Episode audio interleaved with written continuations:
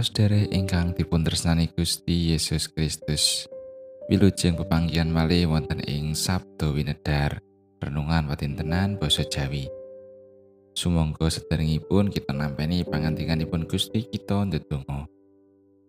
Gusti Allah Rama kawula ing swarga mulya langgeng.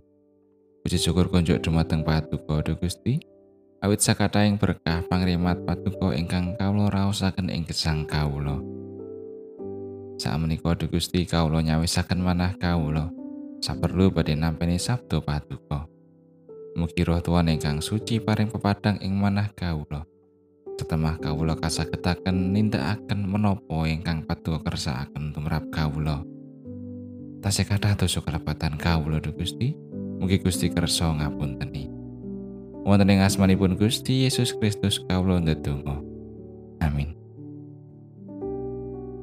Maosan kapendet saking Yeremia bab 3 ayatipun 6 dumugi sekawan welas. Sang Yewah ngandika marang aku, nalika jumenenge Sang Prabu Yosia. Apa sira wis nyipati apa kang dilakoni Israel, wong wadon murtad iku? Kang munggah menyang ing angger gunung kang munggul, lan menyang ing sakngisore saben wit kang grembel. Nuli laku jina ana ing kono. Panggali ingsun. Sawise nglakoni iku mau kabeh bakal nguli ingsun nanging ora bali. Prakara iku disumurupi Yehuda, sedulure wadon kang ora setya. Disumurupi menawa marga saka anggone laku Cina ingsun wis megat Israel. Kang murtad iku langsung paringi layang pegat. Senadyan mangkono Yehuda, sedulure wadon kang ora setya iku ora wedi. Nanging malah ugol banjur laku Cina. Anggone laku Cina kang marga saka sembranane iku njalari negara dadi najis. Malah banjur bebedangan kelawan nyembah watu lan kayu. Uga kelawan tumindake kabeh kang mangkono iku Yehuda. Dulure wadon kang ora setya iku ora mbaleni ingsun kanthi gumulung ing atine nanging mung lelamisan. Mangkono pangantikane Sang Yewa lan Sang Yewa ngendika marang aku Israel, wong wadon murtad iku sak temene luwih jujur tinimbang Yehuda, wong wadon kang ora setya iku. Sira lunga mangalor lan nguwu mangkene. He Israel, wong wadon kang murtad, mulya. Mangkono pangantikane Sang Yewa. Pedanan ingsun ora bakal rengu marang sira. Amarga ingsun iki ambek sih mirmo. Mangkono pangantikane Sang Yewa. Ora bakal bendoni ing salawase. Mung wae sira ngakonono dosanira menawa sira wis cidra marang Sang Yewah Gusti Allahira lan wis ngesokake katresnanira marang para wong ngamonco ana ing sakngisoring saben wit kang grembel lan ora ngilingake swara ningsun mangkono pangantikane Sang Yewah. He bocah-bocah kang padha murtad mulya mangkono pangantikane Sang Yewah. Amarga ingsun iki Gusti nira ingsun bakal mundut sira saka angger kutha wong siji saka saben kulawarga wong loro lan bakal ngirit sira menyang ing Sion.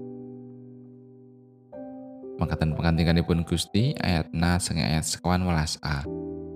He bocah-bocah kang padha murtad mulya. Mangkono pangantikane Sang Yewa amarga ingsun iku Gusti nira. Ing kitung pasawan Jawi nomor 56 ratelaaken mulya angger elinga sira tobato sira wong dosa nalongso kekitungan menika nedahaken timbalanipun Gusti supados kita manungsa dosa sami meratobat.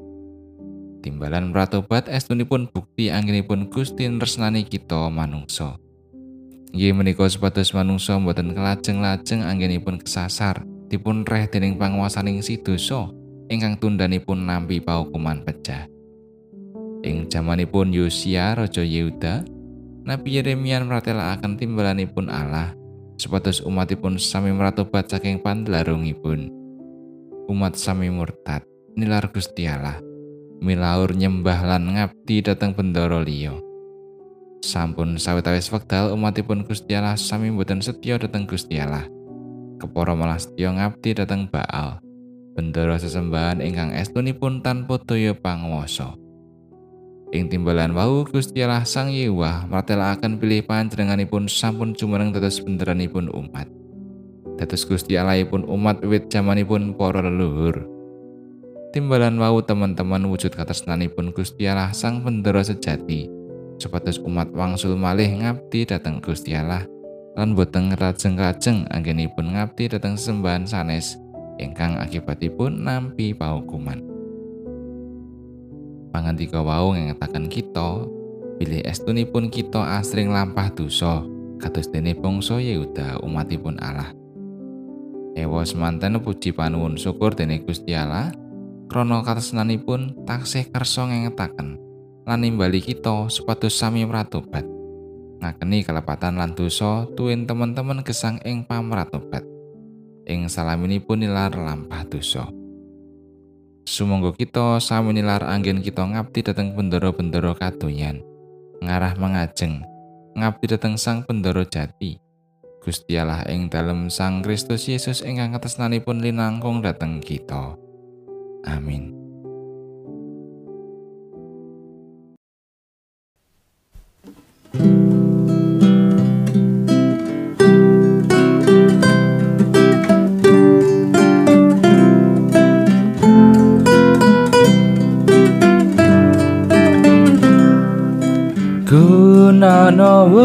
Wektumu paringi Gusti. Wit uripmu cekak pina kembang. Endi barang langgeng ing donya iki? Amung katresnan yo nganti ilang isine donya sagung ingkang endah bakal musno mung katresnanmu demi sang pamarto gede ajine tanpa kasirno